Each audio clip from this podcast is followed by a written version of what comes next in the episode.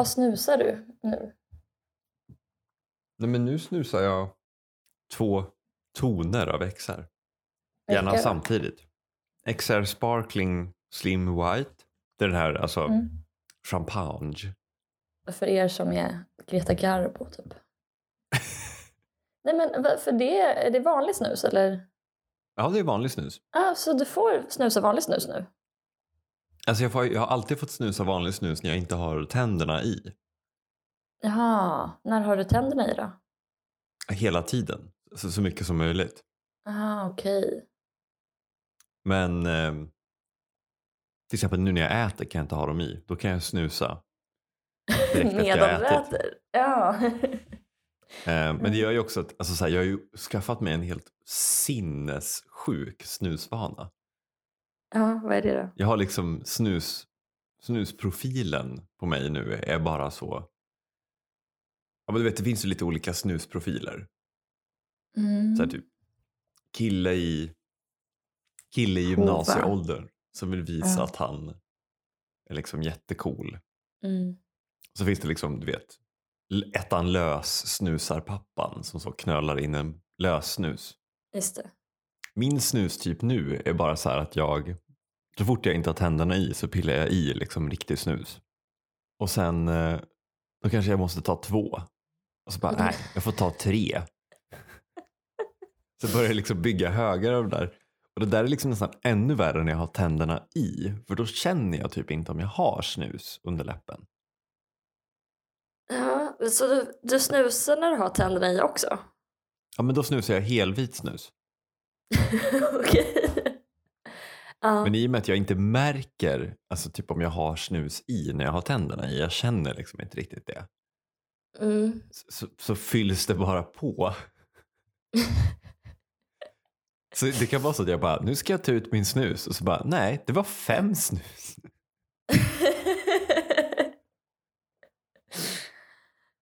Ja, Så att, eh, roligt. så vad är din snusprofil?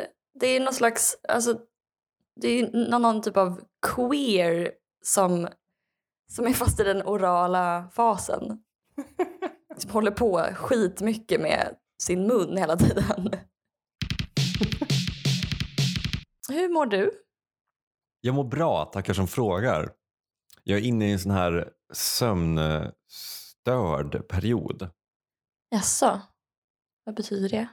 Alltså, Har du jag låga sover. poäng i din app? Eh, nej, men jag märker på ett annat sätt än min app. Eh, och det är det faktum att jag är trött. Sover dåligt. Mm. Mm. Men appen säger ju givetvis också att jag sover dåligt. Men eh, Men också vilken oartig app. Eller det, det, jag hade blivit sur om appen liksom sa du är trött eller liksom du har sovit dåligt. Man bara jag vet. Håll käften, du hjälper inte till. Det, alltså det värsta är ju att den ger en tips. Vad man ska Ah, göra åt det. Fan. Som är på liksom maskinöversatt eh, kinesiska till liksom svenska. Om vi tittar på i natt. Då står det så här. Eh, sömnkvalitetsanalys. Du, du, föll, du föll sovt sent. Prova att gå till sängs runt 22.00. Stanna upp sent är inte bra för immunförsvar och påskyndar åldrande. Bara, Nej. tack appen.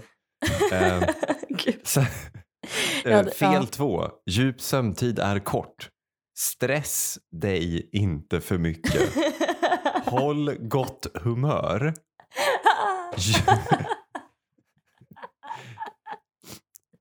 Hur ska jag kunna Gör- hålla gott humör när den här jävla appen är en sån fitta? Gör rimlig, rimliga arrangemang för arbete och vilotid. Och gör mer träning för att hålla dig i form. Oh, Verkligen ord och inga visor. Gud vilken dålig kompis. Med såna vänner behöver man inga fiender. Verkligen. Och så, så sista här. Fel tre. Vakna upp lätt. Inte anstränga dig allt för mycket. Hålla bra humör. Lär dig att koppla av. gå en stund efter måltider och dricker lite mjölk innan du går till sängs. Åh gud. Alltså fattar man får ångest? Bara man en, alltså, så fort man bara Ah. sover lite dåligt så bara trä, träna mer, ät bättre, Håll gott humör. håll gott humör. Också bra tips från en, alltså en hälsoapp. Att så här, bli, bli hälsosammare. Har du testat att vara glad? Och inte stressad. Testa att sova bättre. Med det, med det sagt, hur mår du Ellen? Ja, jag mår bra. Jag har ett killproblem. Oj, Eh, och det är att jag träffar en kille som jobbar med eh, regeringen. mm. Så han har aldrig tid att träffa mig. ah. Så att jag blir liksom, jag är kockblockad av Putin. är jag kanske den första i Sverige som har blivit drabbad av det här kriget personligen? Förutom Alexander Pärleros. det, bör, det börjar med att det drabbar honom. Det, det, det, det är ni två. Det är ingen, det är ingen som Ingen har släktingar. anhöriga. Eller- Nej, Nej. ingen kommer från Ukraina. nej, nej, nej. Vi riktar sanktioner och stänger ner banker och sådär i Ryssland och Putin riktar sanktioner mot ditt kön. Ja. Verkligen. Det ska man inte underskatta betydelsen av. Du är så, så frustrerad. Du åker ner och skjuter Ja, ja. Zelensky själv. Verkligen. Ge mig de här kärnvapenkoderna så får vi slut på det här. Det riktiga kriget var i dina byxor hela tiden. Verkligen. En humanitär katastrof. det riktiga könskriget. ja, nej men utöver det så är det bra. Förutom att det är krig och eh, ingen älskar mig så är det bra. Nej, men det, det som pågår nu, vi ska, jag tycker verkligen inte vi ska zooma in i det här på något sätt. För det känns som att det, det är inte därför man lyssnar på den här podden. För man vill ha en djuplodande analys av läget och känna sig in the loop, så att säga. Nej. Men, men en reflektion, Mm. det är ju att ens föräldrar tycks ju, när man liksom pratar med sina föräldrar, så tycks de ju alltid ha gått igenom liksom hell för att man ska existera. Mm. Förstår du, förstår du vad jag menar? Nej, alltså jag tycker tvärtom att mina föräldrar är spoiled brats. Min mamma i alla fall. Mm. Hur då? Nej men alltså de är ju födda på 50-talet mina föräldrar. Är dina föräldrar födda 60-tal? Nej, 50. Ah, okej. De har ju skördat frukterna av ett välfärdssamhälle som de sen dessutom har gått med vinst på att nedmontera. Mm. Så de har ju liksom dubbelt fucked us over. Alltså den här lägenheten som jag sitter i, det är ju, jag kommer ju såklart... Alltså jag är ju rik by proxy, eller vad heter det? Arvtagerska. Så på det sättet kan jag inte klaga, men det alltså på en mer systemnivå Mm. så är det ju inte alla i vår generation som har gynnats av att allmännyttan såldes ut Absolut inte. för Nej. liksom växelpengar till exempel. Ja, jag håller med dig. Alltså, fast jag kommer ju in ur det från en annan vinkel. Ja, Så jag vet inte om jag håller med dig. nej. Jag har liksom alltid, när jag har lyssnat på, och det här kanske har med klass att göra, men när jag har Ja. lyssnat på alltså, mina föräldrar och mina svärföräldrars barndoms och liksom historier, barndomshistorier eh, och kanske mormor och morfars, så är det alltid så här, hur fan kom jag till? Alltså, Mm. varför la ni inte bara ner och dog? ja. Ehm, Kan du berätta lite? Nej men du vet, det är, det är liksom barnhemsbarn och det är typ våldtäkter och alltså du vet bara så svensk 1900-talshistoria. Ja. Ehm, det, det, är, det är liksom rå fattigdom på ett sätt som Mm. man och liksom lidande. Och sen I även, din föräldrar, dina föräldrar, vem är barnhemsbarn? jaha, nej det är svärmor som är barnhemsbarn. Ah, Okej. Men å andra sidan, alltså, jag har alltid tänkt då att så här, shit vad svårt de har haft det liksom. Och vi har ändå Mm. haft det. Sen har vi haft det svårt på ett annat sätt. Alltså med ett ekonomiskt system som är spänt emot oss. Medan jag har Mm. bara tänkt att de hade liksom inget system. Nej. Ehm, men det kanske är som du säger. Att de hade allt det här mänskliga lidandet. Det var att Tage Erlander stod i bakgrunden och kastade ut pengar och substanter. Ja. För det känns som att det är kanske är det de utelämnar. ja, precis. Jag menar säga att någon är barnhemsbarn, då tänker man ju på så, jag vet inte, Astrid Lindgren. Ja. Men det de inte berättar är att barnhem, det var liksom som Yasuragi typ.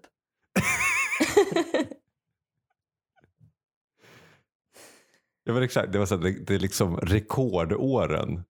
Liksom 60, 60-talet där, sitta på barnhem. De bara, för att lov att vara ginseng-infuserad välling.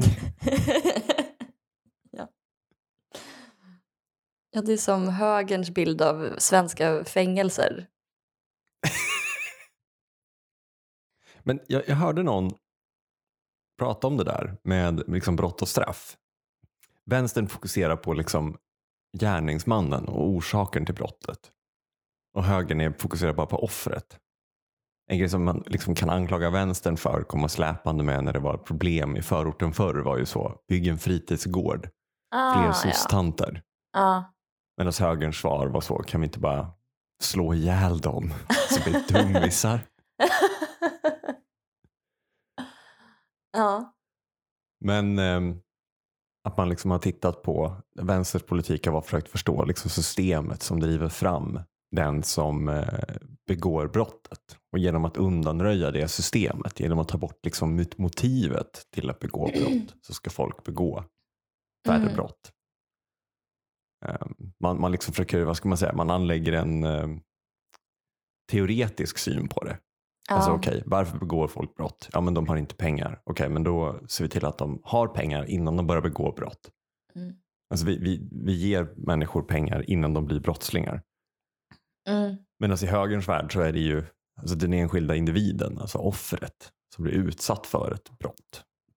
Och i och med att brottslingen också är en enskild individ så är det inget som liksom systemet ska lägga sig i. Däremot så ska systemet se till att hjälpa offret att få hämnd. ja, precis. Genom att så kasta in den brottslingen på vatten och bröd. Och nu kanske det känns som att det börjar stabilisera sig på någon slags, okej men vi fattar att det finns en psykologisk poäng i att ge offret upprättelse.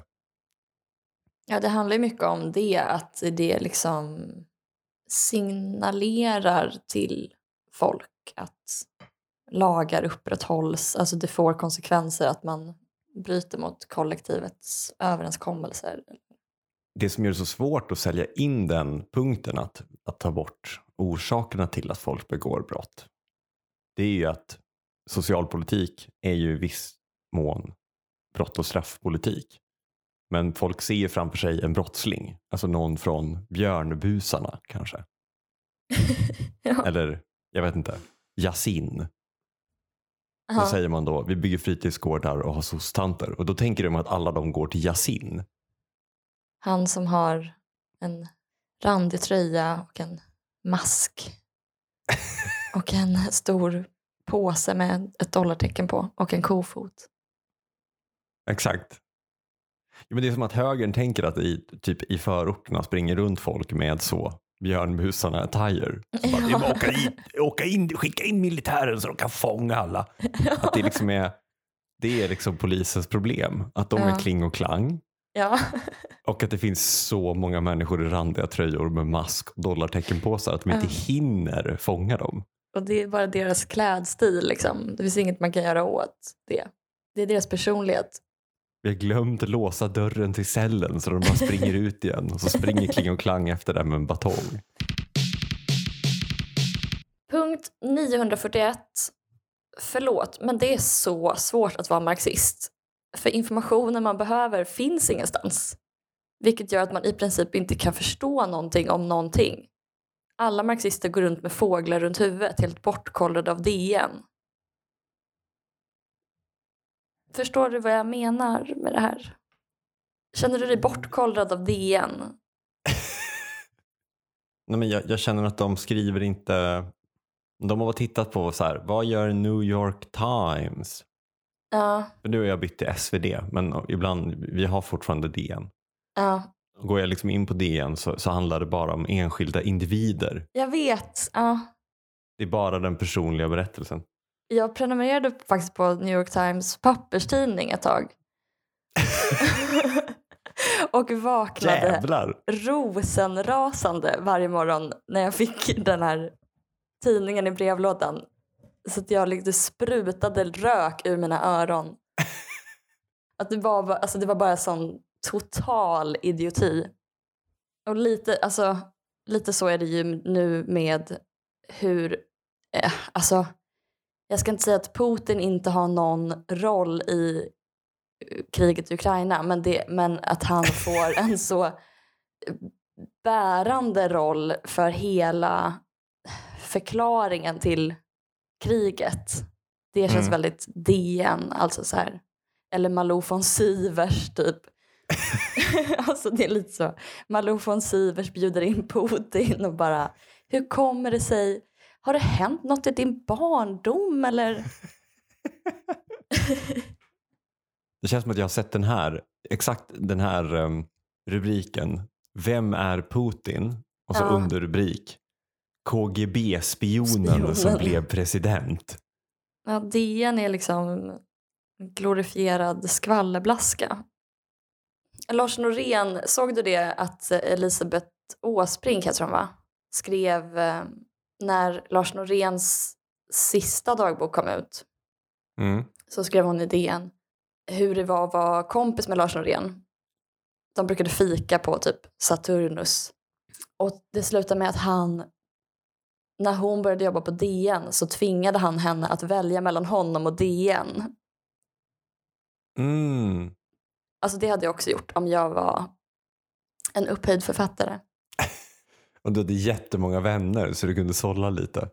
Och då inte bara så här att man inte får jobba för DN utan man får inte prenumerera på DN. Du får välja mellan mig och din DN-prenumeration.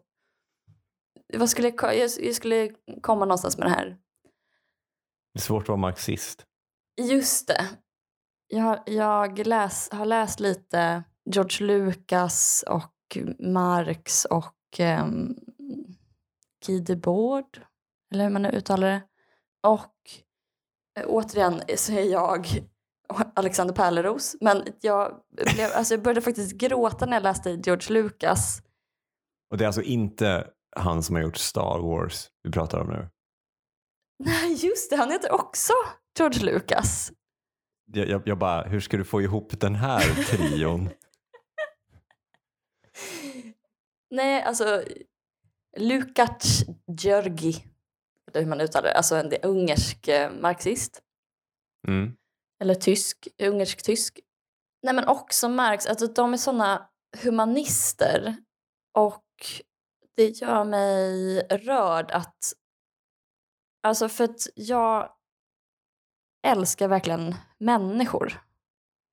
Det, det är det som Mhm. oftast gör mig rörd. Att hur liksom fina människor är och hur eh, hemskt det är att när människor inte får plats i att Mm. uttrycka sin hela mänsklighet på något sätt. Mm.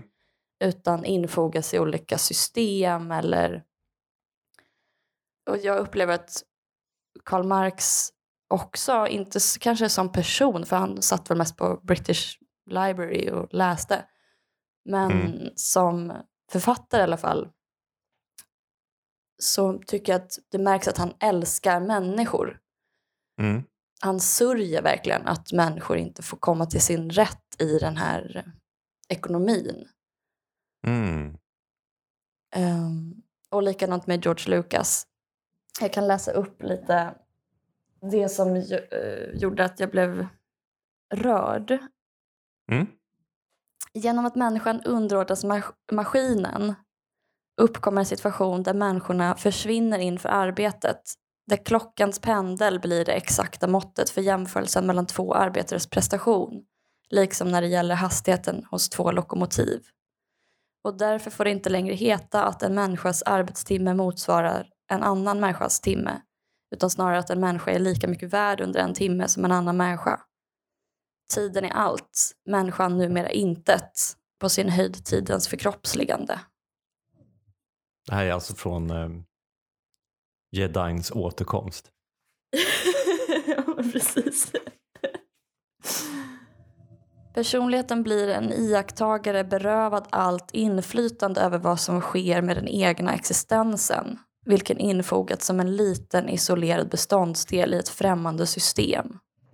Produktionens mekanisering gör dem också i detta avseende till isolerade abstrakta atomer som inte längre omedelbart organiskt hör ihop genom sina arbetsprestationer utan vars förbindelse snarare i allt högre grad förmedlas uteslutande av den abstrakta lagbundenhet hos den mekanism i vilken de infogats. Ja, människans hela medvetande präglas av varans struktur. Hennes egenskaper, hennes förmåga uppgår inte längre i personlighetens organiska enhet utan framstår som ting vilka människan äger och externaliserar på samma sätt som objekten i omvärlden. Otroligt vackert. Jag måste... Ja, jag vet. Alltså Marx är ju helt otrolig författare. Är det Marx du läser nu? Ja, det här är, det är lite både och. För att Mm. det är också att eh, George Lucas eh, citerar Marx. Tyckte människan är tidens förkroppsligande var jättefint. Ja, det är Marx. Mhm. Det är väldigt fint. Alltså i industrikapitalismen nu är det ju inte, alltså nu har ju vi en mer kunskapsekonomi som faktiskt kanske är mer effektiv än den här 1800-tals industrikapitalismen. Mm. där vi får använda större, en större del av vår personlighet. Men det finns ju samtidigt en motrörelse i det som är typ new public management och rationalisering och kvantifiering av väldigt komplicerade arbetsuppgifter Mm. ja, som egentligen inte går att kvantifiera eller isolera. Upphandlingen av en enhet vård till exempel. Ja, Vårdplats eller eh, en äldres sista dagar på ett vårdboende. Nej men alltså att man tar en, en pytte, pytteliten del av en människas förmåga. Mm. Typ att slå i en spik. Mm. Och sen drar man ut den i tiden så att den sidan av människan sträcker ut sig och upptar liksom 8, 10, 12 timmar av dens dag. Mm. Medan människan kan, en fri människa kan göra vad som helst. Mm. Eh, Det finns nästan inga begränsningar för vad människor kan göra om de inte är fastlåsta vid en så enkel liten partikel av deras existens. Mm. Men att man tar en sån partikel och bara förstorar upp den för att bygga en eff- effektiv ekonomi. Eller en, som i krig, i, i liksom industriellt krig, att man reducerar människan som är så stor och så fin när hon Mm. är fri till liksom en maskin. Eller en liten, liten beståndsdel i en maskin Mm. de, den här, eh, återigen, kursen i första världskrigslitteratur som jag tog i Bologna, där var det ju Mm. många texter som det blir liksom drabbande för att de ofta unga människorna som är, som är militärer. De om några har ju liksom verkligen kanske inte ens hunnit bli kära eller de har inte hunnit göra så mycket och det Mm. tycker jag är så sorgligt. John McCrae har skrivit en dikt som heter In Flanders Field som är väldigt populär i, eller den är känd i England. Mm. We are the dead. Short days ago we lived, felt dawn, saw sunset glow.